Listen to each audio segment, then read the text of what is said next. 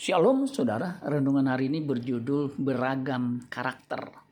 Lukas 6 ayat 12 sampai 16. Pada waktu itu pergilah Yesus ke bukit untuk berdoa dan semalam-malaman ia berdoa kepada Allah. Ketika hari siang, ia memanggil murid-muridnya kepadanya. Lalu memilih dari antara mereka 12 orang yang disebutnya rasul.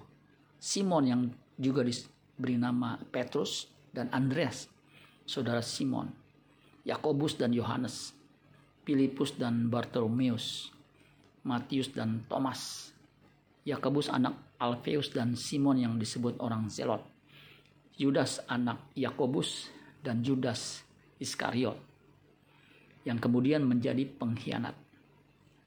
Murid Kristus memiliki latar belakang dan karakter yang beragam. Ada Petrus yang ceplas-ceplos, so tahu dan pernah menyangkal Yesus tiga kali. Ada Thomas si peragu. Ada Yohanes dan Yakobus yang ambisius. Ada Matius, mantan pemungut cukai. Ada Yudas Iskariot yang licik dan culas.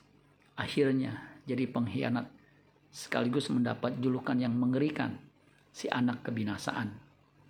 Yohanes 17 ayat 12, selama aku bersama mereka, aku memelihara mereka dalam namamu yaitu namamu yang telah engkau berikan kepadaku. Aku telah menjaga mereka, dan tidak ada seorang pun dari mereka yang binasa, selain daripada dia yang telah ditentukan untuk binasa, supaya genaplah yang tertulis dalam kitab suci. Satu dari dua belas murid gagal di wisuda, yaitu Judas Iskariot. Sisanya menjadi rasul Kristus yang agung. Bagaimana bisa di wisuda? Kuncinya setia dan bersedia dimuridkan. Itulah inti Injil Matius 28 ayat 19 dan 20. Karena itu pergilah, jadikanlah semua bangsa muridku dan baptislah mereka dalam nama Bapa dan Anak dan Roh Kudus dan ajarlah mereka melakukan segala sesuatu yang telah kuperintahkan kepadamu dan ketahuilah aku menyertai kamu senantiasa sampai kepada akhir zaman. Apakah Anda saat ini mulai undur jadi murid Kristus? Hati-hati.